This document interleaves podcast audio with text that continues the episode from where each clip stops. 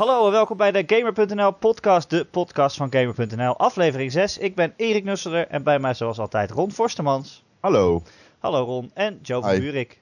Yo yo. Yo Joe. En als u een Yo, klein... Joe. Yo Joe. Als je een klein eh, licht ruisje op de achtergrond hoort, dan kan dat kloppen, want dat ruisje dat is eh, onze gast van vandaag, onze collega van Gamer.nl, Marcel Vroegrijk. Hallo. En Hey. Yeah. Ja, boy. dank Take it away. Dank, Ik wil je u. Marcel. Eh, ja, natuurlijk bekend als eh, onze grote stroom eh, van nieuws op de site. Wereldberoemd. En eh, ook als, als, als connoisseur van het, eh, het genre veel te moeilijke spellen, zoals Dark Souls en Bloodborne. Yup, nog voordat die game uit was. Of zo. I don't know. Heel hoe, hip. krijg, hoe krijg je dat toch voor elkaar, die moeilijke spellen? Eh, ga, zult daar ook later over hebben? Oh ja, dat is goed. Nee, we gaan het zo meteen met jou hebben over Bloodborne en over Dark Souls 2, die op de nieuwe generatie consoles komt. Ehm, ja, Gamer.nl dus de podcast elke maandag te downloaden op onze website en ook te beluisteren via YouTube. En natuurlijk, eh, als je je abonneert op iTunes, dan krijg je hem gewoon eh, elke week eh, gedownload. Zo handig gaat dat. En als je dan toch bent op iTunes, laat dan gelijk een review achter met sterretjes. En dan kan je ons laten weten wat je ervan vindt. Positieve review. Eh, Ja. ja, Ja, vinden we leuk. We doen hard Ja. ons best voor maar deze. als je iets te klagen hebt, dan mag je dat er wel bij schrijven. Maar dan moet je gewoon vijf sterren geven en dan eronder zetten, het is kut. Wij Ja, lezen het wij, lezen het, wij lezen het allemaal. Behalve als het geen sterren heeft, dan lezen we het niet. Slim. Eh, jongens, zoals elke week beginnen we met het nieuws. Ja, elke week eh, nemen we allemaal een nieuwtje mee naar de tafel. Een nieuwtje dat ons opviel deze week. Als jullie het goed vinden, jongens. wil Ja ik, hoor. wil ik deze week graag Erik. beginnen. Erik, Erik, ja, vind jij het goed nou om eens te beginnen? Ja, ik Doe vraag nou het dus volgens mij bijna elke week of ik mag beginnen. Ja. Maar ik heb ook altijd zo'n goed nieuws. Echt een journalist hoor, die Erik. Oh, geweldig. Eh, want ik wou het met jullie hebben over Assassin's Creed. En dan wel over Assassin's Creed Chronicles. Er is een eh, trilogie aangekondigd van games die zich weer buiten de main eh, serie afspelen. En de, de eerste aflevering die komt uit op 22 april. Dan zijn we in eh, China met Assassin's Creed. En daarna gaan we nog naar India en naar Rusland. Gezellig. Zijn Gezellig. dat, eh, wat zijn dat Leuke voor landen? landen. Wat, wat vinden jullie ervan?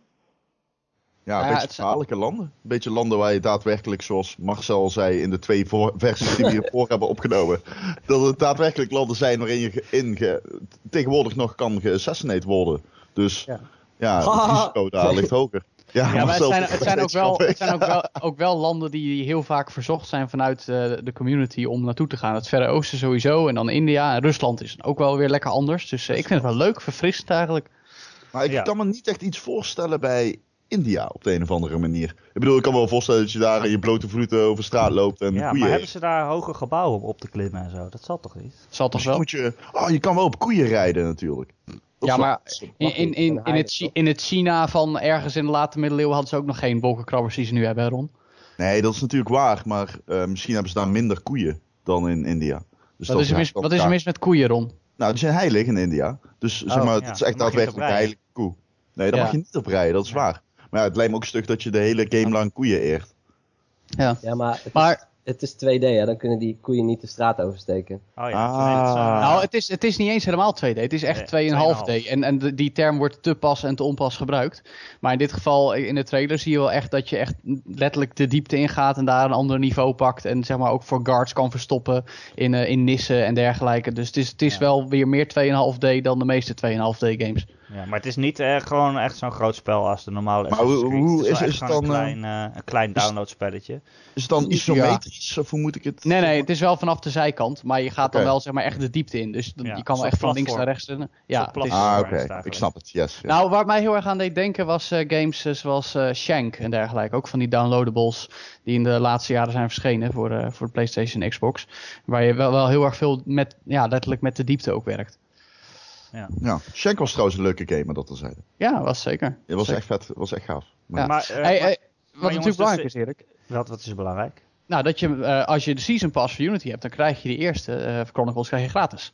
Ja, gratis, dat, je hebt er al voor betaald. Maar Ja, dat is, dat wel het minste wat ze konden doen, geloof ik, hè? Na hoe eh, Unity lanceerde. Dat is, volgens mij was dit zo'n goed makertje van, oh shit, ons spel zit vol bugs, dus hier hebben jullie een gratis game ja. die hopelijk niet vol bugs zit. dat ook nog. Ja, maar wat vinden jullie ervan, jongens? Het zijn er eigenlijk weer drie nieuwe Assassin's Creed en aan het eind van het jaar komt er ook weer gewoon de gewone. Is het niet een beetje veel?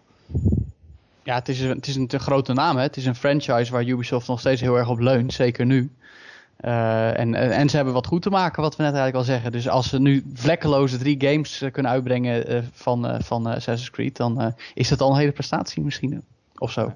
Ja. Ja, nou, ik, ben, ik, ja, ik vraag het. Ik ben onlangs begonnen met Assassin's Creed Unity. Het is een beetje, een beetje laat natuurlijk, dat weet ik ook wel. Maar ik had eigenlijk zo het idee van, nou, hè, als ik maar lang genoeg wacht, dan heb ik op een gegeven moment het spel dat werkt zoals het hoort. Um, maar ja, ik begon het te spelen en ik, ja, ik, ik ben er een beetje moe van of zo, van dat spel. Het is Wat vind je het leuk aan dan? Het is altijd hetzelfde. Ik, ik, ik heb weer zo'n grote kaart met weer allemaal...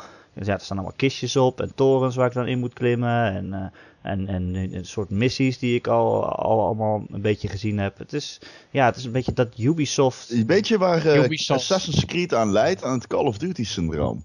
Het is oh, gewoon ieder jaar een nieuwe Call of Duty en een nieuwe Assassin's Creed. En op een gegeven moment heb je het principe door. Dan de basisbeginselen veranderen niet van die game.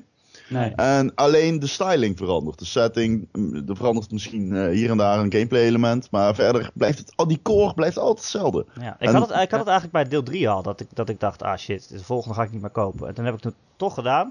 En die vond ik dan wel weer heel leuk. Ja, Black Flag. Ja. Maar dat was omdat er echt iets nieuws in was met, met varen en... Uh, uh, uh, op walvissen jagen en zo. Dat vond ik dan wel weer echt nieuw. En nu lijkt het weer gewoon terug naar de core. Ja. ja, want dat is misschien wel een goede vraag aan degene die uh, Assassin's Creed Black Flag hebben gespeeld. Dat was wel, dat was volgens mij weer echt een game die uh, nieuw in, zeg maar de serie nieuw instak. Ja, Als in, had die had een nieuwe invalshoek. Ja. Ja, maar dat doen Chronicles wat dat betreft ook. En, in een, in een zijstapje.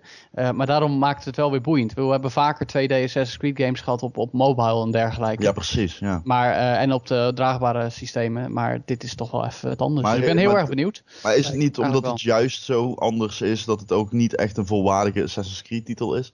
En dat je hier niet de verwachtingen van kan hebben... die je wel had van, ja, nou ja, Unity bijvoorbeeld? Nou ja, het is, het is wel iets, iets nieuws. Ik bedoel, uh, wat ik zei, 2D is niet nieuw voor Assassin's Creed als franchise, maar wel dat het dan op de grote consoles komt. En ook wel echt met, met diepgang en ook gelijk drie delen achter elkaar. Um, dus dit is wel een kans voor Ubisoft om een franchise die populair is, maar aan uh, ja, uh, hetzelfdeheid leidt, zeg maar, toch een beetje nieuw leven in te blazen. Hetzelfdeheid, ja. Marcel, heb jij eigenlijk een Assassin's Creed fan? Oeh, um, ik, ik ben fan. Heb je gespeeld? Uh, heel weinig. Uh, ik ben wel fan van het concept. Als in, ik vind het nog steeds heel... Uh, het is meer, ik ben nog steeds boos dat Assassin's Creed de voorrang heeft gekregen ten opzichte van Prince of Persia. Ah, ja. dus ja, ja. Vandaar dat ik ze eigenlijk structureel, structureel negeer in de hoop dat mijn ene missende verkoop Ubisoft ertoe drijft dat zij Prince of Persia weer gaan... Maar was jij ook iemand die eigenlijk al teleurgesteld was in deel 1, zeg maar? Als in dat heel veel potentie en niets daarvan werd waargemaakt. Want dat had ik heel erg. Maar deel 1 valt niet meer te vergelijken met hoe de serie er nu voor staat. Nee, zeker niet. Want deel 2 was veel beter dan deel 1. Maar omdat deel 1 zoveel potentie had, ben ik uh, de delen daarna altijd meer als soort van tweede kansen gaan zien om deel 1 goed te maken. Waar ze voor mij gewoon eigenlijk de plank al vanaf het begin af aan een beetje misslaan of zo. Wat, wat jij zegt, uh, dat het op Call of Duty lijkt, vind ik, uh, vind ik wel interessant. Niet zozeer dat het dat er ieder jaar een nieuw deel komt, maar dat er ook meerdere studio's zijn die, waarvan sommige de ene keer leidend zijn en andere de volgende keer. Dat ja. merk je heel duidelijk, omdat dat is ook met Call of Duty zo, dat je bepaalde verbeteringen die worden doorgevoerd in het ene jaar, die zijn het jaar daarna, die zijn ineens weer spoorloos. Ja, die worden terug. Um, dat klopt. En dat is een beetje het gevaarlijke. Zo'n team van Unity, dat heeft daar drie jaar aan gewerkt, maar ondertussen is er een ander team dat Black Flag maakt. Dus als daar iets doorgevoerd wordt, hoeft dat niet per se in Unity te zitten. En dat, dat zorgt ervoor dat je aan de ene kant je, je maakt ook niet echt vooruitgang in zo'n serie als je continu zeg maar aan moet kijken welke van de zeven studio's iets bedacht heeft wat echt zo zo'n verbetering is dat het eigenlijk al in de rest van de uh, Assassin's Creed delen ook moet zitten. Nou ja, dat is inderdaad het, het probleem ook met... Je gaat stapjes naar voren en stapjes terug. En ja, dat is, dat is inderdaad het Call of Duty syndroom. Maar wat er bij Assassin's Creed nog eens bij komt, is dat het een heleboel studio's zijn die er tegelijkertijd aan werken. Daardoor is het nooit echt een, een, een game die zeg maar, een bepaalde boodschap of een bepaald gevoel uh, uitdraagt van een studio die zijn stempel erop kan drukken. Het zijn er altijd zeven. En dan ook, ook, met, in, dan ook nog inderdaad wat je zegt, dat de ene, de ene keer de, de ene studio leidend is en de andere keer de andere. En dan krijg je eigenlijk elke keer een beetje een smakeloos product. Ja, ja. Het is een mengelmoes, een potpourri van verschillende stijlen. Maar dat heeft Call of Duty dan weer niet. Dat is wat ik Nee, niet wilde zeggen. Call of Duty heeft wel bijvoorbeeld de ene game is sneller ingestoken, meer close combat. eh, mensen gaan eerder dood en zo, weet je wel. Dan merk je wel van, oké, hier is gewoon bepaald, gekozen voor een bepaalde invalshoek. En dan is het Ja. ook minder raar als het vervolg, of eh, een nieuwe Call of Duty, een jaar daarna daar gewoon afscheid van neemt. Dat, dat zou betekenen dat het daarna alleen maar sneller is. Ja. Bovendien is Call of Duty vaak ook echt opgedeeld in, in series. Het is wel steeds een Call of Duty, maar je hebt dan... Ja, tuurlijk. Black Ops is helemaal anders en- dan en inderdaad Advanced. Warfare. Ja, Ja. nee, klopt, klopt, klopt. Eh, Ron, jij wou het nog over Halo hebben. Ja, ik wil het, eh, nou ja, niet specifiek over de Halo zoals wij dat kennen hebben. Ehm, er is eh, donderdag, dat is 26 maart, een nieuwe Halo game aangekondigd. Halo Online, free to play. En het opmerkelijke vond ik dat hij alleen in Rusland lanceert. En eh, toen moest ik heel erg, ja nee precies, hij komt dus alleen naar Rusland. Maar toen moest ik even denken ehm, aan een interview dat ik ooit heb gehad met een, eh, een hele aardige Belg. Die werkt voor Crytek. En bij Crytek wordt in-house ehm, de game Warface ontwikkeld. Ik weet niet of jullie dat kennen toevallig. De Ja, naam al rings a ja. bell, Ja, ja. ja, ja, ja, ja. Ja, nou, Precies. vooral in Rusland inderdaad. Eh, dat, dat ga je nu zeggen waarschijnlijk. Maar ja, dat ga ik nu zeggen. Die game die is begonnen inderdaad in Rusland. En is daar immens groot geworden. Die heeft daar, en dat, dat lieg ik niet, die heeft daar volgens mij inmiddels 12 miljoen spelers. Gewoon actief. Dat is echt, dat is echt heel veel. Eh, wereldwijd volgens mij iets van 25 of 30. En ehm, nou ja, als je kijkt hoe groot die markt is, daar overduidelijk dus, dat het gewoon een hele grote markt is voor, eh, voor free-to-play games, ehm, is het eigenlijk helemaal niet zo'n rare stap. Want in dat interview kwam dus ook een beetje naar voren dat Rusland gewoon helemaal eh, white chat open ligt met kansen voor free-to-play eh, free-to-play publishers. Ehm, Maar, maar zijn de Russen dan ook sneller geneigd om, om geld te betalen in een free-to-play game? Wat ik denk is, ik ben zelf een keer in Rusland geweest, dan zie je gewoon dat de technologisch gewoon ligt gewoon achter. Daar staan serieus nog Pentium 4's in de winkel. Die worden verkocht, snap je? Daar Hmm. zit best wel, ik, eh, ik zal niet over, eh, ik wil niet zeggen dat het overal zo is, maar ik kan me best voorste- voorstellen dat je in zeg maar de rural gebieden in, in Rusland, eh, een beetje het, platteland waar je daar natuurlijk heel veel van hebt, dat je daar gewoon mensen hebt met weinig geld en een, een crappy PC, maar die wel willen gamen. En dan is een free-to-play game natuurlijk een ideale oplossing. Toen begon ik na te denken, is Halo dan een geschikte game? Ja, bij uitstek, denk ik. Halo heeft eh, zich door de jaren heen echt ontwikkeld als een hele eh, stabiele competitieve shooter. Ehm, ik denk, ik weet niet wie er in zijn mic aan het hijgen is trouwens, maar... Ja, dat is Marcel, denk ik. Ehm, maar los daarvan, het Helemaal is gewoon een... Oké, dat is niet Joe. Het is Joe, het is Joe. Ik doe Maar het niks. is een, eh, ja, toch, eh, toch ben jij. Maakt niet uit. In ieder geval, het is een stabiele competitieve shooter. En ik denk als het naar Rusland komt, dat er bij uitstek daar echt serieus een hele markt nog open ligt. Die, eh, die, die eh 343 Studios. Nee, dat is trouwens niet waar. Het wordt niet 343 die hem gaat ontwikkelen. Nee, dat Het lijkt me ook niet. wordt, moet ik even goed nadenken. Saber Interactive, ja. Oh, dat, ehm. Eh, ja, nee, dat, die maakt ook eh, de Master Chief Collection. Wat achteraf misschien niet zo'n heel geweldig product Hey. was. Nee. Ehm, maar die maken dus ook eh, de, eh, de beta. Die komt in de lente van 2015 naar Rusland. En ik denk echt dat die het goed gaan doen. Ik ben wel benieuwd wat jullie daarvan denken. Maar, Maar jullie, ik ken jullie niet als Halo-spelers. ik eh, ben Nee. benieuwd wanneer jij naar Rusland gaat verhuizen. Aha. Ik Ja. hoop het. Binnenkort is, lijkt me het wel echt, is het echt iets wat alleen in Rusland blijft dan ook? Of is het als het daar succesvol is, dan komt het ook naar de rest van de wereld? Nou, het, is, het zal waarschijnlijk het businessmodel van Warface volgen. En dat betekent dan dat het uitkomt in Rusland en vanuit daar waarschijnlijk. Ik denk wel echt dat het eerst Azië en eh, Rusland wordt, ja. Maar het zou natuurlijk. Het is niet uitgesloten dat, hier- dat het hierheen komt. Maar, je moet je ook hebt- Halo maar- doet niet goed in die landen. Hè? Dus Nee. zij komen nu voor het eerst eigenlijk echt in. Of ja, niet voor het eerst, maar in ieder geval nu komen ze op een hele andere manier. Heel veel mensen opeens die nog nooit van Halo hadden gehoord in aanraking met Halo. Dus je hebt, daar nu is alleen, je hebt het nu alleen nog maar over het model van de game. Maar wat, hoe, hoe werkt de game? Wat, wat wordt- er is geen, eh, er is geen van eerdere informa- Halo's? Er is geen informatie beschikbaar over wat er daadwerkelijk in de beta zit. Of in de game. Hmm. Het enige dat we wel weten is, eh, er is een eh, filmpje gelekt. Gelekt, hè, tussen aanhalingstekens. Ehm, en daarin zie je inderdaad, het is een bekende map uit Halo 3 met een andere skin. Eh, in Halo 3 is het een sneeuwlevel, maar in Halo Online is het gewoon een zonnig leveltje met de uh, gorddroge ondergrond. Ehm, en ja, de wapens zijn herkenbaar, de, de Warthogs klinken als Warthogs. Het, het ziet er gewoon uit als een, als een Bungie-titel. De multiplayer van een Bungie-titel. Maar er zit natuurlijk, en dat zal de game definiëren, er zit een verkoopmodel aan.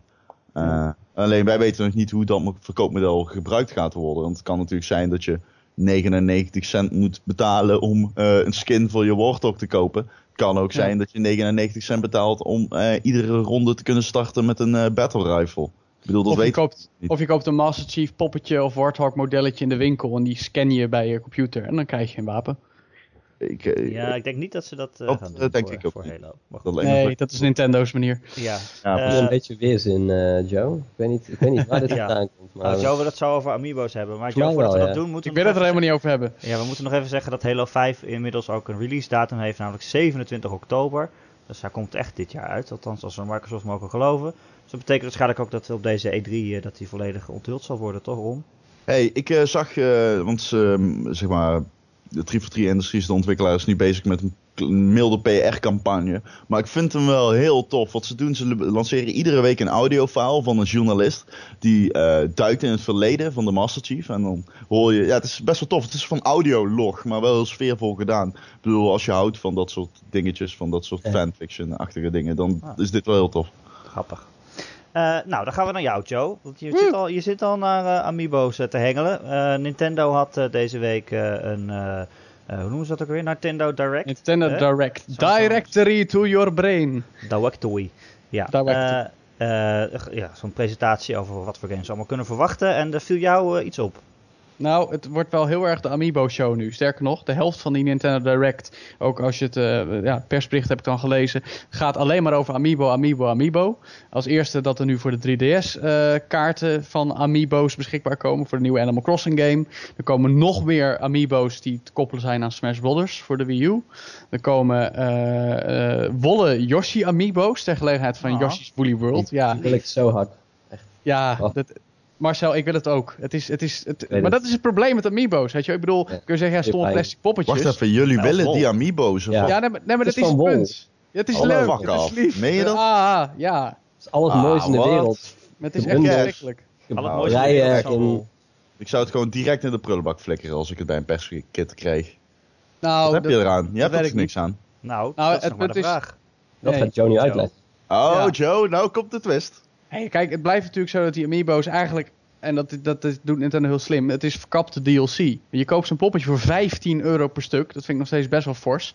Eh, en dan ja, kun je hem in, in games gebruiken. eh, wel in meerdere games. Voor bijvoorbeeld eh, een nieuw kostuum of een nieuw level of wat dan ook. In het geval van Smash Bros. kun je dan echt je personage trainen. Dat zijn al, de bekende features. Punt is wel waar ik op stuitte toen ik Mario Party 10 laatst reviewde.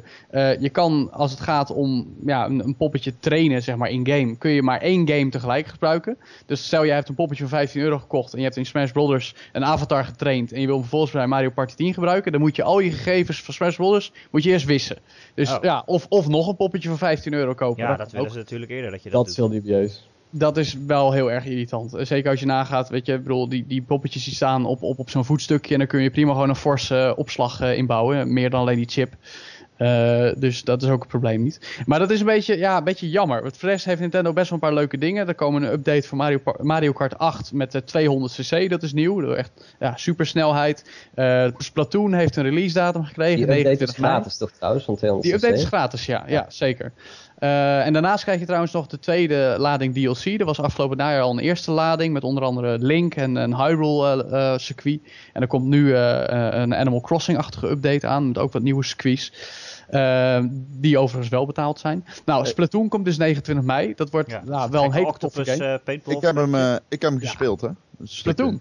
Ja, op, eh, in, eh, in, eh, in, ehm, in, eh, in Amerika op de PAX. Wat vind jij er als shooter-fanaat van? Ja, het speelt als een eh, shooter. Het speelt echt het speelt best, eh, het is echt leuk.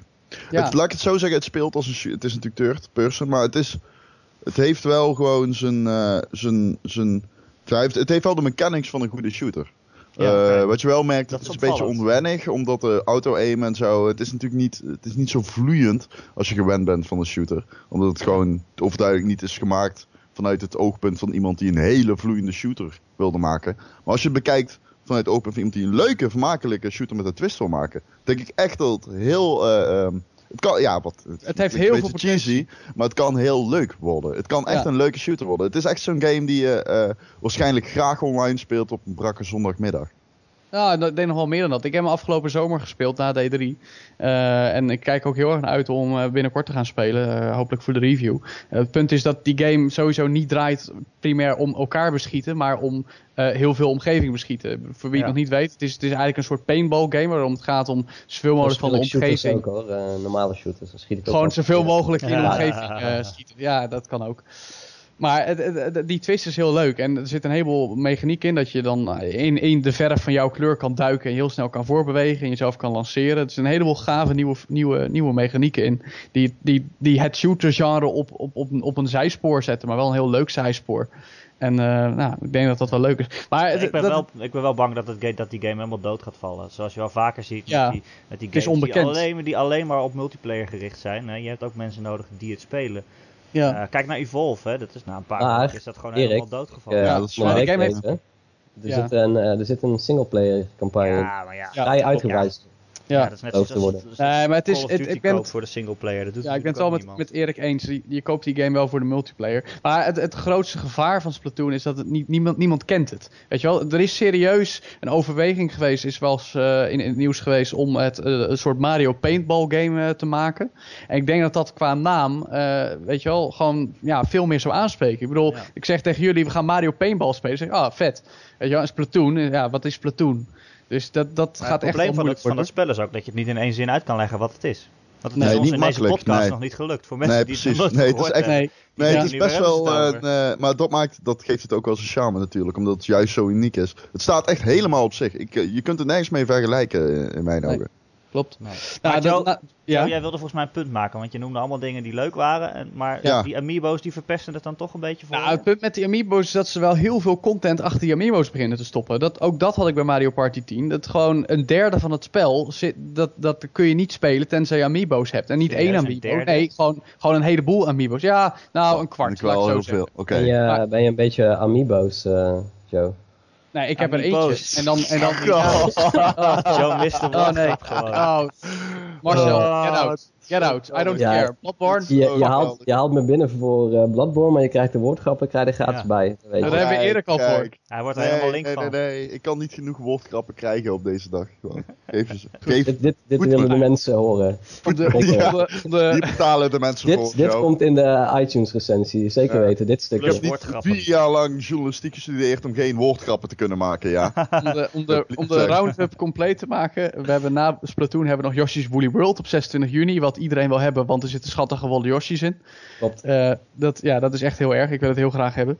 En wow, Marcel wil het ook heel graag hebben. En ik, ik, denk iedereen die het laat zien wil het ook heel graag hebben. Nou, ik niet hoor. Ik en niet. Nou, ook niet, denk ik. Nee. Wacht, wacht, wacht maar tot je de Wally Yoshi ziet, ziet zingen en, en springen. Ja, ik ga nu Wally Yoshi googlen en ik ga je daarna vertellen of ik het wil hebben. Goed.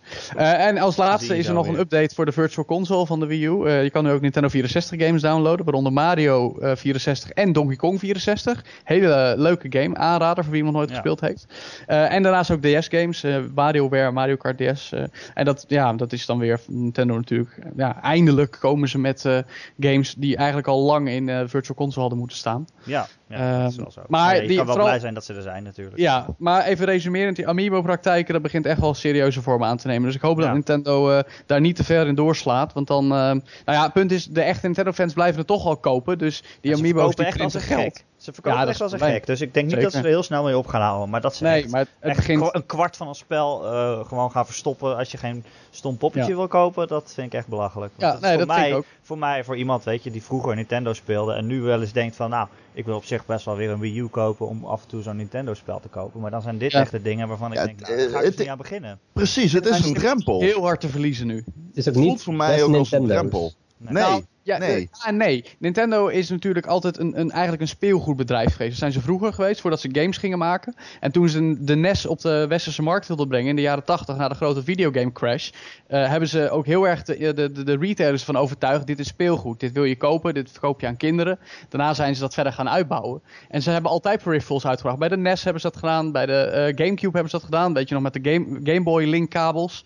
Weet je wel, je, je bleef shit kopen. Met de Wii eigenlijk ook, een heleboel onzin. En dat, ja, dat hebben ze nu met heb je niet per se nodig. Je maar, niet zo'n zo'n racket nee, uh, dingetje precies. op je ding te klikken om te kunnen tennissen. Nee, dat is een cruciaal verschil. Dus in dat geval ja. uh, gaan ze echt wel een beetje te ver hier. Ja, Ja, maar dat het, is wel zorgen. het is voor mij een struikelblok voor de aanschaf van een, een Nintendo-console. Want ik Ja. zit niet te wachten op de verplichte aanschaf van eh poppetjes. Heb je het al Wat gegoogeld? uiteindelijk wel is. Ja, ik zit er naar te staren en ik neem mijn, eh, mijn eh, slecht eh, ingelezen kritiek terug. Eh, ze zijn heel schattig en ik wil ze. Ja? Oké. Top, dat, eh, dat lijkt me een mooie conclusie. Ah, lief. Ja, go on. Nou, Marcel, dan gaan we Ja. naar jou als, eh, als stroom van nieuws. Het, het laat- laatste nieuwtje van, eh, van deze podcast is dat ehm, de game streamingdienst OnLive die eh, stopt ermee omdat eh, Sony ehm, eh, heeft eh, de techniek opgekocht. Eh, alleen ze gaan er niet mee door. Eh, dus per 30 april eh, is het eh, gedaan met OnLive en dan stopt het. Ah, En Ja. dan eh stopt, ah. Hey, eh, heb- heb- heb je games je eh, spelen, Ja, precies. Dat wilde ik net zeggen. Dat is wel een Ehm, beetje een serieus issue eigenlijk. Oh, ga toch weg. Ik vind Ja, het nou, je, had, je had een aantal Ik- jaren geleden had je natuurlijk de, de. Toen destijds was het een soort van grote concurrentiestrijd tussen aan de ene kant OnLive en aan de andere kant Gaikai. Ja. Gaikai is destijds overgenomen door Sony en toen al geïntegreerd, waar- waarmee eigenlijk het hele plan dat Gaikai een streamingdienst voor PC zou worden ook kwam te vervallen. Toen bleef OnLive over. Dat is vervolgens over de kop gegaan, weer opnieuw begonnen in een soort van aangepaste vorm. Stilletjes aan heeft het de afgelopen jaar heeft het gedraaid en het, het, het werkt eh, tot op zekere hoogte.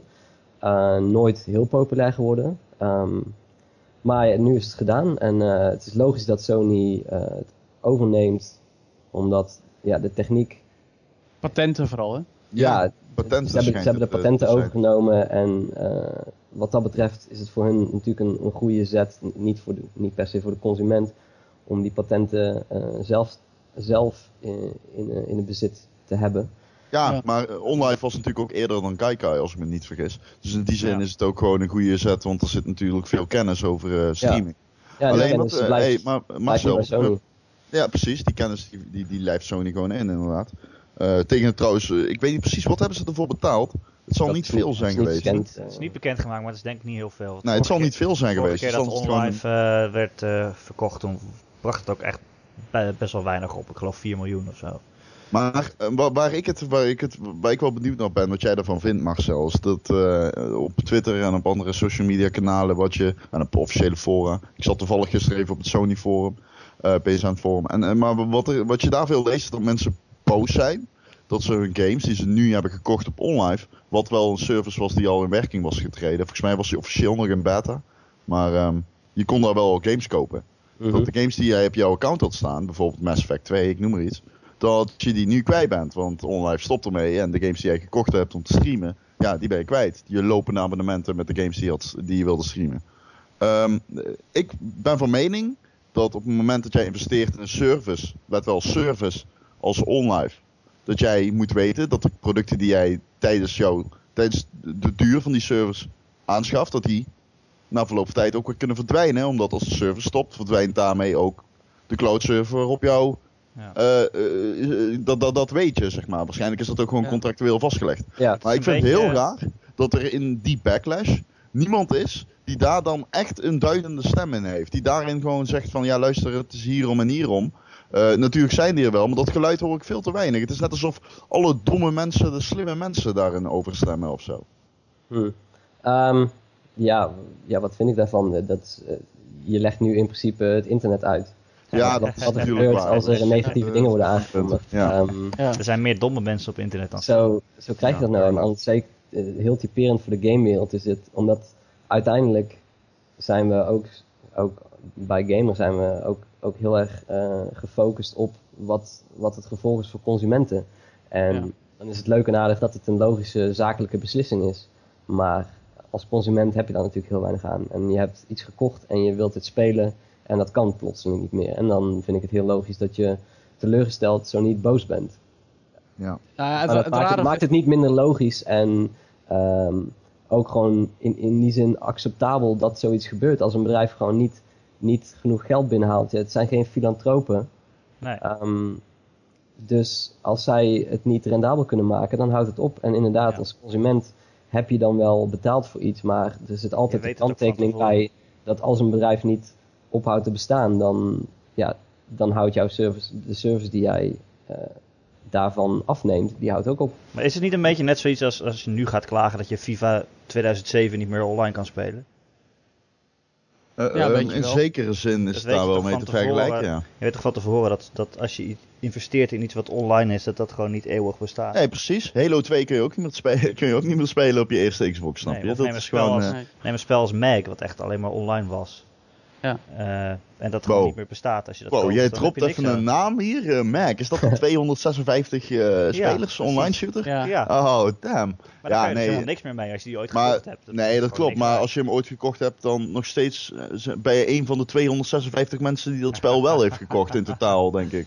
Ja, nou ja. Nou, nou Wat, ja, ik, wat, ik, wat ik over, over online gesproken wel apart vind. Ik weet nog heel goed, ik zat in een andere podcast waarvan ik de naam niet zal noemen. Ik denk dat het zes, zes zeven jaar geleden is. En toen was net de aankondiging OnLive komt. Dat wordt games spelen en die zijn eh, ergens op afstand worden die gedraaid. En via een snelle internetverbinding kun je ze dan thuis eh, ja, besturen. En dat vonden we allemaal heel gek. En het was allemaal van ja, dan heb je toch glasvezel nodig, anders krijg je latency en het werkt allemaal niet. En ik heb nog steeds niet het idee dat eh, eh, streamen van games nou helemaal je van het is geworden. Maar als je ziet hoe die techniek nu wel gewoon in onze huiskamer staat met de, de, PlayStation 4 en de Xbox One en, en ja, PC ook, dan, dan zijn we toch wel nou, De- ver gekomen techniek, eigenlijk. De techniek werkt zeker. Als je nou, ik, ik, als je neem als goed voorbeeld SharePlay van PS4. Ja, precies. Ik vind dat een tamelijk indrukwekkende functie die eigenlijk nog, wat mij betreft, onderbelicht blijft. Want Dat vind ik ook. Ja, eh. Ja. ten eerste ook sowieso het delen van gameplay. Kijk, dat is natuurlijk, Twitch doet het ook al. Ehm, maar ook het feit dat je controle over kunt geven. Dat je het in principe eigenlijk ook gewoon naar een, een, dus de PS4 van een andere persoon streamt. Ja. En Ja, daarbij- ook nog daar- met elkaar chat en wat dan ook. Dat, dat, Ja. ja. dat kon een aantal jaar geleden toen OnLive zeg maar, werd aangekondigd. Ik had het nooit kunnen voorspellen dat, dat ik dit al daadwerkelijk kon doen. Ja, maar dat is dus wat Ja. Gaikai, eh zeg maar, in de, in de, ja, in de, ja, waar ze mee bezig waren op het moment dat ze, aange- dat ze overgenomen werden. Dus Ja. eh, dan zie je dat er gewoon enorm veel kennis was gehuisvest. Dan vind ik het eigenlijk wel een briljante aankoop achteraf. Want als Ja. je ziet hoe dat verweven is met de infrastructuur en het hele businessmodel van de PlayStation 4. wat OnLive eh probeerde was om het heel erg op te schalen naarmate eigenlijk pas op te schalen op het moment dat er meer gebruikers zijn. Ja, precies, momentum. Eh, Gaikai had destijds zeg maar echt een aantal partners eh, bij zich aangesloten die dan zeg maar het serverpark zouden ehm, verzorgen. Ja. Gaikai benadert het meer van als er 100 mensen komen, dan hebben we bij wijze van spreken één server nodig. Wordt het er 1000, hebben we er 10 nodig. En zo schalen we op. En ik ben wel benieuwd wat die techniek, nu Sony die in huis heeft, of dat nog iets gaat betekenen voor de manier waarop het ehm, op de PS4 gaat werken. ja. Nou, is, er is dat wel durf ik ruimte niet te voorspellen. Ik denk een beetje, een beetje resumeren. Er is bij, bedoel, het is heel mooi dat we games kunnen streamen en de controle kunnen overgeven. Maar we zijn er nog niet helemaal. Want als jij een spel speelt dat ook maar een beetje finesse vereist, een shooter of een race game, dan Ja. zit er gewoon nog latency in. Eh, ik denk dat het, eh, nou, ik weet wel zeker, het is onmogelijk om goed Call of Duty te spelen met SharePlay. Eh Drive Club is eigenlijk al moeilijk, omdat je gewoon niet de precisie hebt. Eh, en, en ik denk dat daar de grootste winst nog in zit. Dus dan toch nog meer het optimaliseren van de, van, ja, de netwerkverbinding. En, En en- denk je, denken jullie dat het eh, oh, sorry. denken jullie dat het streaming eh, de toekomst heeft? Want ik, als ik kijk naar dingen wat Sony ook doet, bijvoorbeeld als je op een Bravia TV eh, speelt, eh, als je een Bravia TV in huis hebt en je hebt een, een controller, dan heb je geen console nodig. Er zit daar gewoon een functie op dat je games kan streamen, eh, PlayStation 3 games kan spelen op je tv zonder dat je een ja, console ja, hebt. dat, maar dat is het idee van PlayStation Now. En daar hebben Ja, we eigenlijk precies. nog veel te weinig van gezien. Ja. Eh, het, het zou me niet verbazen als we daar op T3 misschien ook al Nou, over dat weet dat ik wel wel- zeker. Dat is een zekerste. Daar gaan Ja, we op daarom. de heel veel van Maar horen. dat is wel een toekomstbeeld, weet je. Dat niemand meer consoles Zeker. hoeft te kopen. Dat Sony gewoon Nee. alle consoles zelfs in, in huis heeft, als het ware. En dat jij daarop speelt vanaf een internetverbinding. Nou, Maar het- waarom het zou je ook van een HDMI-stick, weet je wel? Gewoon een HDMI-stick die in je televisie plugt. Ja, of, of inderdaad ingebouwd als, de als, ja, als Ja. de Sony TV is. Maar ik En zou dan, niet eh, weten waarom Sony dan niet eh, met, met, met zeg maar extreme spoed naar, naar, naar zou kijken. Sony is een hardwarefabrikant, puur zang. Die Ja. hebben tv's, die hebben Blu-ray spelers. Ik bedoel, die kunnen zo makkelijk die software meegeven. Dat het Ja, maar eigenlijk vergeet, bizar is vergeet dat niet, niet vergeet een niet dat alle andere divisies van Sony het heel slecht doen. De PlayStation-divisie eh, doet het het best. Is ook uitgeroepen tot de divisie die, die het meest moet groeien. Eh, en televisies en alle andere hardware, dat, daar gaat het al jaren minder bij Sony. Dus daar hebben ze nog niet het monopolie voor. Maar ze nou zullen ja. wel heel erg hun best doen in de industrie om dat door te krijgen. Maar Absoluut. PlayStation is nog nooit een sterker merk geweest dan het nu is. Nee, maar ik waarom- denk, als je Waarom? dat zou mee, eh, ja, Ja, maar daarom dus. Dus oh, stel je zou Ja, maar- meegeven aan je hardware, dan zou het nog best Ja, wel eens ja, maar Philips heeft er helemaal geen zin in, joh. Wat is het belang voor Philips om, om een PlayStation Waarom, waarom haal je Philips erbij? Waarom zou Ik Philips noem- in Ja, hemelsnaam... eh, Ik niet noem maar een dwarsstraat. Even Ja, maar dat is niet nogmaals, nogmaals resumerend. Eh, relevant. Ja, is een mooi Ja. Resumeer de resume, ja, resumatie. precies, ga ik Maar doen. Marcel, Ik, eh, het laatste woord. Ja, precies. Ik, ik denk dat dat. eh, er zit wel wat in, zeker met de merknaam PlayStation. Wat in principe eigenlijk al precies. Play gaat niet per se over games. Kan ook muziek, film Ja. betekenen. Eh, Ja, Station specificeert niet per se dat het een console is. Ehm, ik zie nog wel toekomst voor een apparaat, maar wel een apparaat wat inderdaad gewoon de verschillende entertainmentmogelijkheden verenigt. En dat zal via streaming gaan. Dat zie je met muziek ook. Dat zie je met film tegenwoordig. Oh, mag ik even inhaken? Ja, Hebben Alleen als je jullie... de- heb je, ik, resumerend, resumerend. ja maar ik, Hebben ik jullie- wil er ook nog één. Oh, resumerend, Joe. Ja, Ja, vertel. eh, je hebt net over muziek en streamen, eh, Marcel. Eh, we laten niet vergeten dat Spotify nu ook het Ja, PlayStation dat wilde ik is. net zeggen. Nou, dat Oh. wilde ik Ja. dus net zeggen. Zie? Ehm, ah, Die app is... eh, ik weet niet eh, of jullie hem al gebruikt hebben. Nou ja, ja, ik heel weet veel. Ik Maar, heb hem he- de hele week gebruikt. Ik, ik ben Het zo allergrootste te spreken voordeel over. aan die app is eh, dat je eh, gewoon muziek, als je een eh, optical audio setje aan je console hebt aangesloten, kun je dus muziek via optical op een hoge bitrate luisteren. En dat is echt super chill, want ik heb een MacBook, ja. Ik, kan, eh, ik heb geen eh, peripherals of zo en ik kan, geen, eh, ik kan niet even een geluidskaart wisselen. Dus dan is het ideaal om gewoon in hoge kwaliteit muziek te kunnen luisteren. Wat wel heel slecht is trouwens aan die app is de shuffle functie. Die is Ja, echt verschrikkelijk. gehoord, ja. Nou ja, het hangt een beetje vanaf hoe je het gebruikt. Want eh, eh, ik gebruik het gewoon met mijn telefoon. En dan kun je gewoon eh zoeken apparaten. En dan verbindt je telefoon-app met de PlayStation-app. En dan heb je eigenlijk die PlayStation-app niet eens nodig. Dan is het gewoon Spotify op je telefoon bedienen. En de muziek komt uit de speakers waar ook je PlayStation-geluiden uitkomen. Oh, dat is wel chill. dat is echt vind ik- fantastisch. Dan ben ik, daar is hij weer, GTA Online aan het spelen. En dan zet Oh, ik eh, nee. de radio uit. Oh En nee. dan heb ik gewoon mijn eigen muziek. En dan heb ik gewoon, ja, dat is heerlijk. Deze wist je hou je dat kansen reserveren? Shut the fuck up! Joe speelt GTA Online. Dat is Dat we weten we al. kunnen Iedereen die deze podcast luistert, die weet het al. Ja, dat is Ja. Maar eh, de, de ronde vraag is, ga je dat ook bij Rainbow Six gebruiken dan? Nou, Rainbow Six Siege kun je niet spelen met eh, muziek aan, want je bent een tactisch collectief dat het opneemt het, tegen een eh, ander verdedigend samenstel. Het was een retorische muziek, vraag. als de muziek maar beter is dan eh, uit die gameplay trailer die je pas via Twitter deelt. Oh ja, die was. Dat was echt grafmuziek, zeg. Six. Ook, elke keer als ze Rainbow Six zeiden, zeiden ze niet gewoon: hey, eh, in Rainbow Six Siege. Nee, ze een Rainbow Six Siege. Zo ging het Wauw, gewoon. wat doe je het goed na. Dank Goed. je, dank je. Ik heb geoefend. Heb jij het ingesproken? Ja, ja, ja, ja. Ja, vandaar. Ja. Ik ben de guy uit alle trailers van de wereld. Mij lopen we een beetje uit. Ja, Ja. Ah, oké. Oké, ja, je hebt gelijk. Nou, we zijn ook Ja. klaar met het nieuws, dus dan kunnen we nu naar een bumpertje luisteren. Eh, we hadden het net over PlayStation 4, over de, de streaming en eh, Spotify. En ze hebben nog een, eh, een, een groot iets eh, gekregen deze week. Of eigenlijk vorige week al. Dat is Bloodborne. Werd er gewoon aangekondigd als een van de belangrijke spellen voor de console. En eh, ja, Marcel, je hebt het natuurlijk uitgebreid gespeeld als Dark Souls fans. Nou, Eh, nee. Nee? Nee. Oh, dat is Eh, tegen. nog, niet, nog niet uitgebreid. Eh, ik heb de review niet gedaan. Oh ja, bewust, nee. bewust voor heb Maar je hebt, je, hebt, je hebt al wel heel wat uren in zitten, toch? Ja, een uurtje of 10, 12 denk ik. Nee, want jij wou, jij wou expres de review niet doen, hè? Waarom niet? Omdat een game als, zeker zo'n Souls-achtige game, leent zich bij uitstek om samen met een community eh, de dagen nadat die uitkomt, zeg maar, te ontdekken.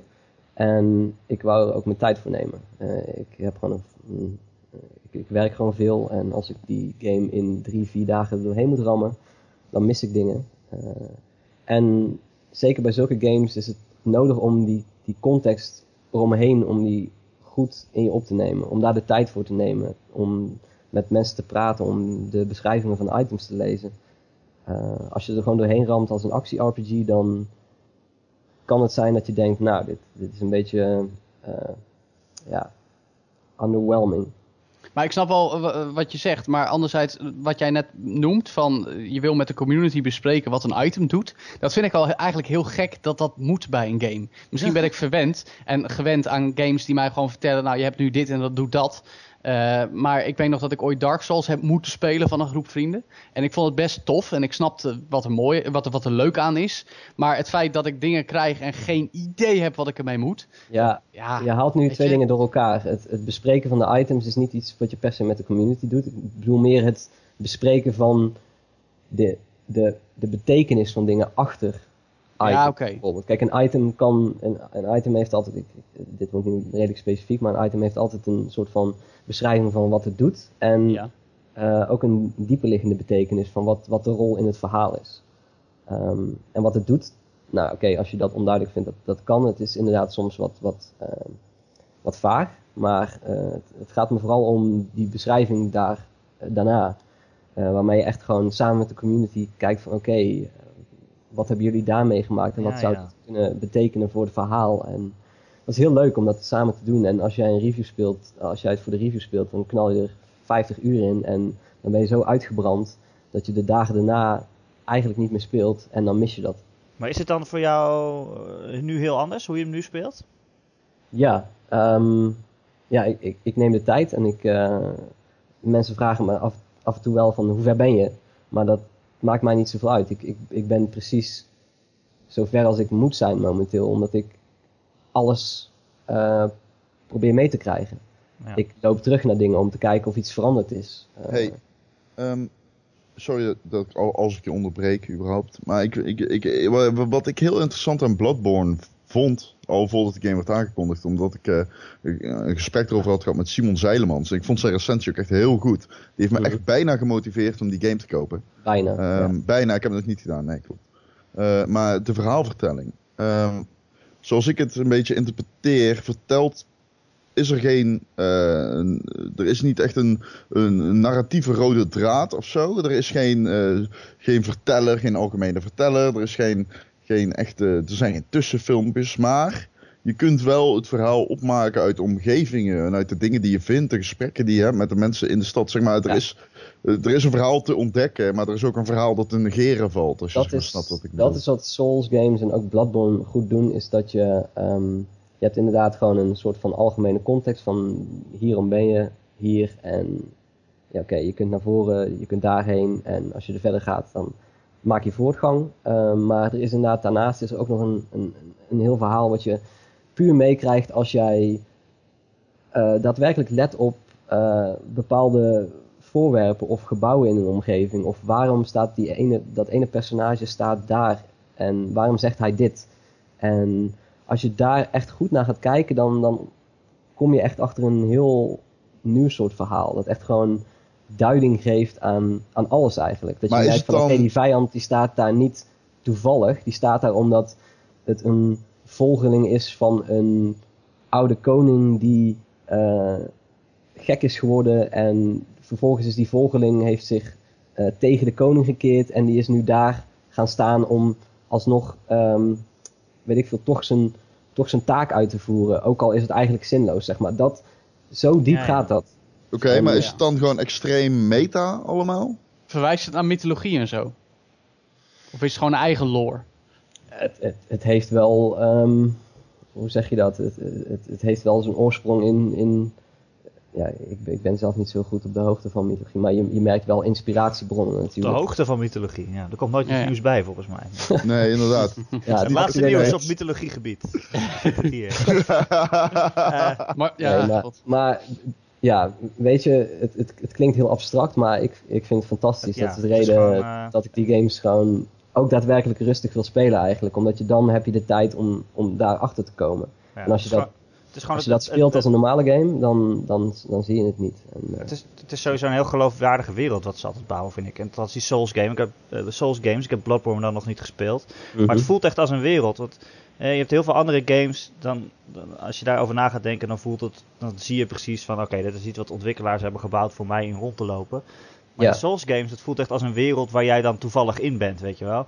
En het helpt er ook bij van dat je zo vaak doodgaat. En het is echt gewoon een wereld die scheid aan jou heeft. Die, die jou, jou er eigenlijk eh, liever niet in heeft. En er alles aan doet om je weer weg te sturen.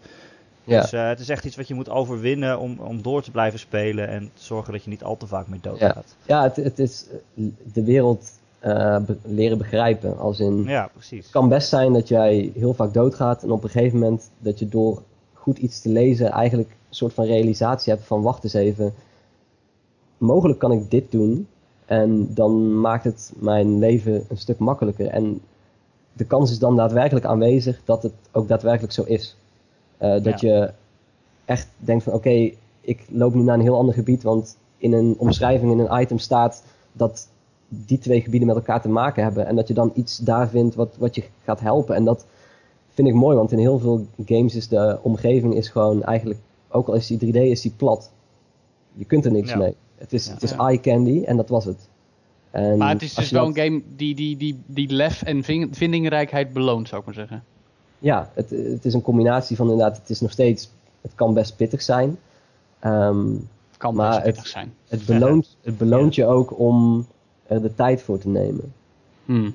Is, is Bloodborne nou eigenlijk makkelijker dan, eh, dan de Dark Souls eh, en Demon Souls Nou. games? Want dat was, was wel gevreesd natuurlijk dat het meer naar de casuals eh, zou buigen. Grappig dat je het zegt. Ik ben, ik ben nu toevallig voor de, voor de review eh, Dark Souls 2 weer op de PS4 aan het spelen, want die is afgelopen week ook uitgekomen. Ja. En ehm, het, het is, speelt totaal anders eigenlijk. Terwijl de, veel van de systemen zijn hetzelfde gebleven. Maar ehm, je merkt dat Bloodborne is veel meer gericht op actie. En dat klinkt, het klinkt gelijk negatief.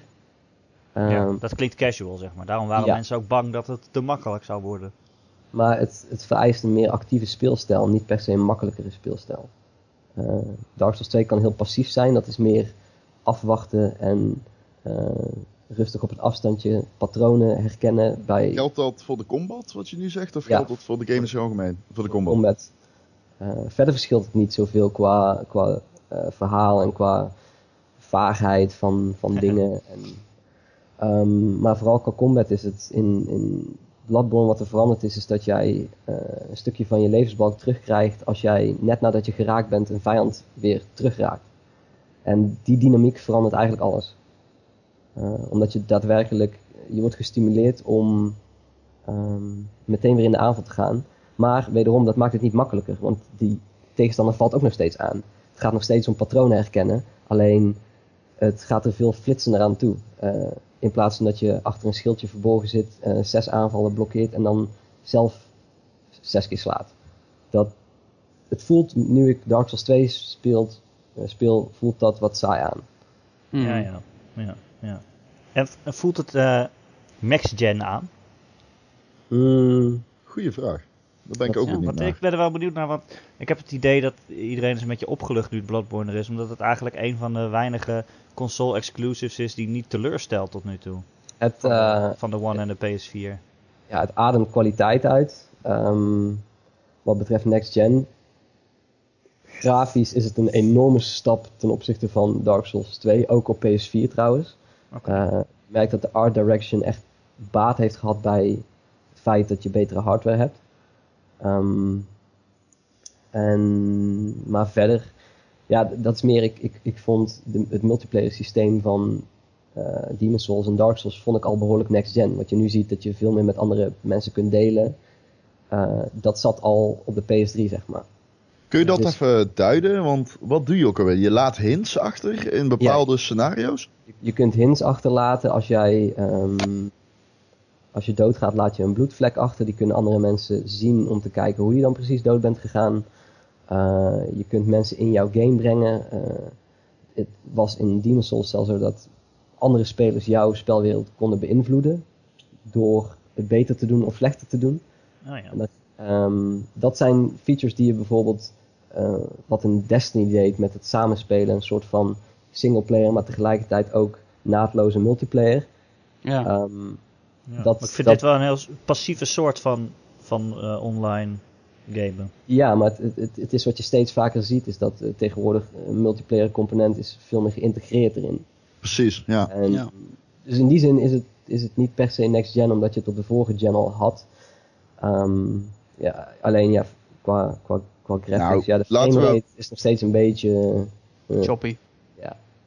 Hmm, Jammer. Maar het is een, het is een titel die niet teleurstelt eh, en een hoop nieuwe dingen doet ten opzichte van de vorige delen, noem ik het maar even. En ik ben sowieso heel blij dat het, het, het, het voelt alsof eh, een hoop mensen voor Bloodborne gaan die nooit eerder iets met de Souls-series hebben gehad. Omdat het inderdaad echt, echt een, een game is die gewoon goede kritieken krijgt. eh, zeker na de Order, wat toch een beetje een, een twijfelgevalletje is voor... eh, qua, qua kritiek ontvangst, ehm, is het een game die gewoon kwaliteit biedt. En ik denk dat mensen daar wel aan toe zijn. Ja, Ja. zeker tof. op de, de Playstation. Maar eigenlijk, ik kan me eigenlijk ook niet zo iets 1, 2, 3 voor de geest halen wat echt alle verwachtingen waarmaakte. Nee, niet per se inderdaad. Nee. Nee. Nee. Dus eh, nou, wat dat betreft is het goed om te horen dat de Bloodborne daar wel aan voldoet. Ja, Eh, en ook als ik de review op onze site heb gelezen, dan eh, hè? Dus kan je er geen bel aan vallen in ieder geval. nou Behalve- ja, behalve nee. voor iemand als Ron misschien, die daar geen geduld voor heeft. Ja, als, het, het is nog steeds hetzelfde principe. Dus als jij weet dat het gewoon niets voor je is, dan zal deze misschien ook niet het verschil gaan maken. Wat ik, wat ik wel wat ik me afvraag, Marcel. eh, als ik het goed begreep, Dark Souls 2 was door een ander team gemaakt dan Dark Souls en Demon Souls, toch? Ja, en, eh, En- deel, deels overlap, maar de, overlap, maar de director die is na Dark Souls 1 is die gelijk aan Bloodborne gaan werken. Ja, precies. Merk je dat nou op een of andere manier? Ik bedoel, we gaan het zo nog misschien even over Dark Souls 2 hebben voor de, voor de PS4. Maar merk je nou echt, eh, zeg maar, we hadden het net over studioverschillen met, met bijvoorbeeld Assassin's Creed. Merk je nou hier echt dat er andere mensen achter hebben gezeten? Ja, ehm, ik, ik heb destijds Dark Souls 2 gerecenseerd. Ik heb hem een 9 gegeven, daar sta ik nog steeds achter. Ehm, het is een hele goede game, maar het is eigenlijk een soort hele goede namaak van Dark Souls 1. Als in, Gewoon meer ander, content. een ander team heeft heel goed nagemaakt wat Dark Souls 1 deed, alleen Ja, ja. het is onmiskenbaar na, namaak.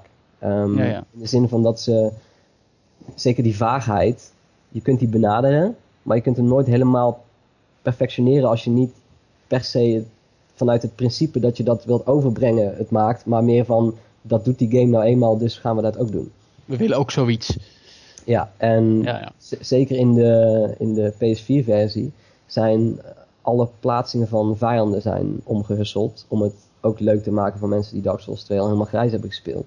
Maar Ja. ook daarin zie je, en ik, ik ben nog maar net begonnen hoor, eh, maar je ziet wel dat ze niet helemaal lijken te begrijpen wat de plaatsing van enemies eh, voor betekenis heeft in die game. Ze, Nee, ze moeten een rol spelen. Ja, Maar- je, vertelde, Ja, ja. je vertelde net dat het verhaal daar een beetje afhankelijk van was. En dat je er allemaal dingen achter kon zoeken van waar Exact, ze dan maar- staan. En dan, In sommige gevallen hebben ze eh, het juist logischer gemaakt. Eh, dat er ineens een vijand in een gebied zit wat notabene dezelfde naam heeft als de vijand. ja, Dus dan denk je, oké, vooruit, Dat dat, dat wordt. Maar eh, tot nu toe ben ik vooral heel veel vreemde keuzes tegengekomen van... Oh, we hebben een sterke vijand die normaal pas na vier uur spelen erin kwam. Laten we die na een half uur er al instoppen, want dan wordt het moeilijker voor mensen.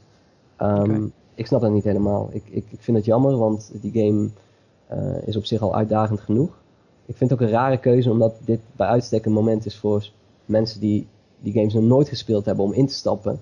En ik kan me zo voorstellen dat dat echt een, een, een te hoge instapdrempel is als je plotseling dat soort vijanden eh, gelijk voor je kiezen krijgt. Vandaar. Blijft veel nou, mysteries. Ja, het blijft eh, heel mysterisch. Ga, ga, ga jij, gaan jullie het nog spelen, denk je, Ron of Joe? Dit, dit soort spellen? Gaan Nou, ik, ik, ik, ik ben, wat ik zei, ik nee, ben ik ooit... twijfel. Ja. Ik twijfel. Weet je, ga een keer eh, met, eh, met mij desnoods streamen, ga een keertje met mij shareplayen. ja, oh ja, dat kan. Dat lijkt me wel leuk. Ja. Kan Nou, ik het gewoon laten zien. En Ja. dan kan je eventueel de controle overnemen, kan ik je uitlachen en dan... Neem je de controle weer Ja. terug en laat je zien hoe het moet. Het zijn wel echt spellen waar je echt tientallen uren in moet stoppen voordat je echt begrijpt hoe het nou precies moet. Tenminste, dat was bij mij zo. Je moet wel echt doorzettingsvermogen hebben om dat, eh, om dat te kunnen waarderen voor wat het is. Ja, wat, wat je nu zegt klopt, behalve dan dat je zo getraind bent door games om niet te hoeven begrijpen wat je moet doen, omdat het er Ja. toch staat. Dat, dat die tientallen uren die zijn drastisch te verkorten als je daadwerkelijk oplet. En ga- oh, dankjewel. nee, dat, dat is net wat ik uit heb gelegd. Ja. Eh, ja, ja, ja, nee, dat is ook je zo. kunt dat korter maken door goed te, na te denken en te kijken van oké, wat, wat, wat, wat zegt die game nou eigenlijk zonder het echt te zeggen. Ja, je bent eigenlijk gewoon getraind eh, om de- dat er op het scherm staat, druk nu op eh, vierkantje om iets te doen. Ja. Dat je eigenlijk, eh, ja, het is eigenlijk een heel oldschool spel. Het gaat weer terug naar toen je dagen deed om, om Battletoads onder de knie te krijgen, zeg maar. Exact. Ja, nou, hartstikke leuk. Oké, dankjewel Marcel voor je commentaar op Bloodborne. Alsjeblieft, mag? Nee, nee, blijf nog gaan we, blijf nog maar even hangen, dan gaan we zo afsluiten. Eh, ja, ter afsluiting nog even. Wat, eh, wat zijn we aan het spelen? Nou ja, Marcel, jij zegt al eigenlijk al, hè? Dark Souls 2. Daar ben je met de review bezig. Is dat iets wat we deze weken kunnen verwachten? Of, eh? Ehm, ik, eh, ik, ik, ik hoop het. Ik zit met eh, veel ander werk. Eh, ik, ik ben nu zeg maar aan het eh, beoordelen in, in hoeverre en dus dan ga je zeggen, oh jee, je speelt hem niet uit. Ik heb hem natuurlijk al twee keer uitgespeeld. Eén keer Ja. op de PS3, één keer op de PC. Ehm, maar ik ben nu aan het kijken in hoeverre eh, de dingen dusdanig anders zijn. En tot nu toe is het best anders. Ja. Dus, ehm, Ah, je zei net al plaatsing van vijanden en dergelijke. Wat nog meer dan? mm, even kijken, er zijn items van de DLC zijn in de normale game gehusseld, zeg maar. Leuk. Eh, er zijn bepaalde key items die je nodig hebt om nieuwe gebieden te openen. Die zijn wat eerder verkrijgbaar, zodat je zeg maar wat meer keuzes kan maken van waar je heen wilt. Ehm, ja, dat eigenlijk. ja. Eh, dus het maakt wel dat je het eigenlijk wel goed wil doorspelen voordat je een oordeel kan geven. Ja, het, het liefst kijk, op een gegeven moment is het oordeel, het is anders. En Ja. eh, dat bevalt of dat bevalt niet. Tot nu toe, om heel eerlijk te zijn, bevalt het niet zo goed. Hmm. Ehm, maar ja, ik wil wel verder spelen om te kijken of het alsnog misschien later dat ik denk van hé, hey, maar er zit wel wat in, in wat ze gedaan hebben. Ja, ja. oké. Ja. Nou, dan wachten we, wachten we de review af in ieder geval. Ja, Eh, Rob, Ja. wat ben jij aan het spelen? Ehm, ik speel nog altijd Battlefield Hardline. Ehm, veel kritiek op. Ik snap het niet zo goed. Ik vind het echt een hele leuke game. Leuke shooter. Lekker competitief. Strakke gameplay. Ehm, ik vind het echt een toffe game. Het is een andere game dan Battlefield 4. Zeker. Het is kleinschaliger. Maar het is allerminst een skin of een verkapte DLC-uitbreiding. Nee, ik vind Hardline echt heel leuk. Ja. Dus daar vermaak ik me nog wel even mee, denk ik. Goed zo. Joe? Nou ja, eh, ik zal maar niet de, de gebruikelijke eh, eh, GTA game op Als Online. je GTA Online zegt, dan komen we Online. je lynchen. Wat ik toevallig gespeeld heb afgelopen week is eh, DuckTales op PlayStation 3, die ook nu net naar Android en iOS gaat komen. Eh hebben eh, ver, heet van de naald deze week. Eh, nee, en dat vond ik eigenlijk wel leuk, want ik weet nog dat die game werd uitgebracht, eh, wat is het, drie kwart jaar geleden of een jaar geleden alweer. Eh, misschien nog wel langer, want ik weet nog dat ik twee jaar geleden op de E3 speelde. En dat was een beetje een backlash, want mensen zaten er heel erg naar uit te kijken. De remake van de DuckTales die op de NES en de Game Boy faam maakt, met de geweldige muziek, Moon eh, muziek en dergelijke. Ja, oh, die is mooi. Die is geweldig. Eh, en die werd een beetje gelyncht, omdat er toch wel een hoop was omgegooid. Eigenlijk het enige wat overeind was gebleven was ja, het, het concept en een beetje het, de, basis van het level design. Waren een heleboel dingen toegevoegd, lange cutscenes die je niet kon skippen. Eh, maar het is toch wel een leuk spel. Als je hem dan nu eh, gaat spelen, ofwel op de console zoals PlayStation 3 of de Xbox 360 waar die al uit was, of op de iOS of Android straks, merk je dat het gewoon een hele ja, leuke game is, met liefde gemaakt. Ook echt wel een eerbetoon aan het origineel. Eh, die, ja, die unskippable cutscenes moet je voor lief nemen. Maar er is echt wel eh, ja, gewoon, gewoon een hoop plezier aan te beleven. En, en ook wel uitdaging. Het, het was vroeger al een vrij pittig spel. En het is nog steeds gewoon, eh, gewoon erg vermakelijk. Dus echt wel een aanrader als je daar toch nog eens een keer in wil duiken. Je vindt het niet een beetje een vreemde eend in de bijt? Daar ga ik niet op reageren. Oké. Wat heb je eigenlijk gespeeld, Erik? Eh, ik ben nog, eh, ik moet, ben nog met twee reviews bezig tegelijk eigenlijk. Ik loop een beetje achter. Eh, oh, Ja, ik ben met War for the Overworld bezig op de PC. Dat is eh, die, eh, die Dungeon Keeper clone. Of ja, clone. Het is eigenlijk een soort eerbetoon aan Dungeon Keeper. Wat natuurlijk al heel lang niet meer gemaakt wordt. Dus was dan een team wat via Kickstarter crowdfunding heeft gezocht om, om, om een nieuwe Dungeon Keeper in alles behalve naam te maken. Ja. Dat is een game die ik eigenlijk al iets van meer dan een jaar in de gaten hou en al previews van heb geschreven. En nu is hij dan echt zeg maar uit op Steam. Dus daar ben ik een beetje mee begonnen. En eh, ja, nou, het, is echt, eh, gewoon, het voelt echt als oude Dungeon Keeper. Dus als je daar fan van bent, dan is het echt, eh, voelt het echt heel fijn. Er zitten wel nog een paar eh, bugs in. Eh, er zijn een paar keer gecrashed bij mij. Ik weet niet of het nou aan mij ligt of aan het spel. Maar eh, dat gaan we, gaan we nog even uitzoeken. Dus daar, daar ben ik mee bezig. En eh, ik ben MLB The Show aan het spelen. Een honkbalspel, zo waar. wist niet dat jij ervan Honkbal. was. Wauw. Ja, honkbal. Nee, ja, ik, eh, weet je, ik hou wel van die Amerikaanse sporten. En eh, eh, bijvoorbeeld de NBA heb ik al eh, een paar, paar jaar gereviewd. Leuk. En eh eh, dit is dan de eerste keer dat, dat, we, dat ik MLB ga doen. Nou, niet dat ik het ga spelen, maar dat ik het ga reviewen. En eh, ja, Ja. Ik, ja, ik vind het wel heel leuk. Er gaat wel weer veel tijd in zitten, denk ik. Want voordat je zo'n zo'n seizoen door bent, dan eh, eh, hè, ben je wel weer even verder. Maar eh, Ja, ben je toch een seizoen verder zou ik zeggen. ja, haha. maar weet je, die game die ziet, er zo, die ziet er zo mooi uit. Het is net zoals met, het is net zoals met de NBA. Het, is gewoon, het wordt ook elk jaar mooier. Ze hebben nu bijvoorbeeld eh, dat de, de, de zon die gaat, echt, die gaat echt op en onder, zeg maar, of die beweegt echt. En ze zeggen ook van ja, weet je, als je in het stadion, eh, het stadion staat eh, in april of in juni, dat maakt echt uit van hoe de zon het veld belicht. Dus dat hebben we dan ook cool. nagemaakt in het spel. Wauw. Dat, zijn coole details. Gewoon Ja, next ja. gen zonlichting. Ja, op een gegeven moment hebben ze die baarden zo realistisch als mogelijk gemaakt. En dan denken ze, ja, wat moeten we nu dan weer gaan doen? Dus eh, Ja, ja. Nou, ze hebben zich nu op de zon gestort. Nou, Leuk. Praise the sun, hè Marcel? Praise the sun. Ha, dat is een Dark Souls referentie. Joh! wat is er Dark Souls? Oh, heel droog. Heerlijk. Ben, ben, ben je blij Marcel? Ik ben hartstikke Zielsblij. De zon schijnt. Hè? Het kan maar één ding betekenen. Dit, is, dit is voor de oude gamer.nl eh, bezoekers. Als iemand deze snapt, waarschijnlijk Ja. niet. Kijk, kijk uit naar de komende E3 mensen. Eh, Oké jongens, ik stel voor dat we afronden. Eh, dat was eh, de Gamer.nl podcast. Eh, vergeet niet, je kan hem elke maandag downloaden op onze site Gamer.nl. Eh, bekijken via ons YouTube kanaal of gewoon abonneren op iTunes. En als je dan toch bent, laat dan gelijk even een eh, reviewtje achter. En Ja. vertel ons wat je ervan vond en wat er beter kan of wat er heel goed is. Ehm, dat mag natuurlijk ook op de site. We hebben deze keer eh, even geen vragen behandeld, eh, behandeld, want die hadden we deze keer niet. Dus Nee. als je nou vragen hebt of opmerkingen, stel ze in het reactieveld onder deze podcast. Dan nemen we ze de volgende keer mee. Ja, of mail je vragen gewoon naar mij, erik.gamer.nl. Erik met een k.gamer.nl. Eh, we horen graag van jullie. En als jullie zoiets hebben van, nou, daar moeten ze het nou eens een keer over hebben. En niet over GTA Online Of Eh, Rainbow Six. of Rainbow Six. Stuur zet Of Dark een- Souls. Ik moet, ook, ik moet ook een stokpaardje hebben. Ik, vind het, ik voel me een beetje Ik buitengesloten. ga per direct mailen, Erik, dat we het nooit meer over GTA Online moeten Ja, hebben. oh ja. ja nou, Je krijgt zo een mailtje van me. Ja, dankjewel. Eh Oké, nou, eh, Ron, Joe en Marcel, eh, dank dat jullie er waren. Ja, jij Ja. ook bedankt dat jij er was, Ja, Erik. leuk dat jij Precies. presenteerde, Erik. Ik vond het weer ja. leuk dat jij er was, Erik. Ik vond het ook heel leuk dat ik er was. En eh, nog leuker, volgende week zijn we er gewoon weer. Dus eh, tot dan. Yo. Doei. Doei. Dag.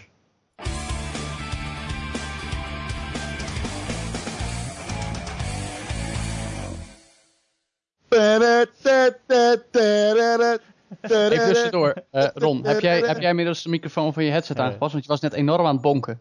Ik weet niet, ik was even aan het bonken, maar ik ben... Ja. Het kan gebeuren, dat is een risico. Ja. ik ben Ja, want uit- als je rond de gast hebt, heb je het risico dat hij halverwege de podcast gaat lopen bonken. ja.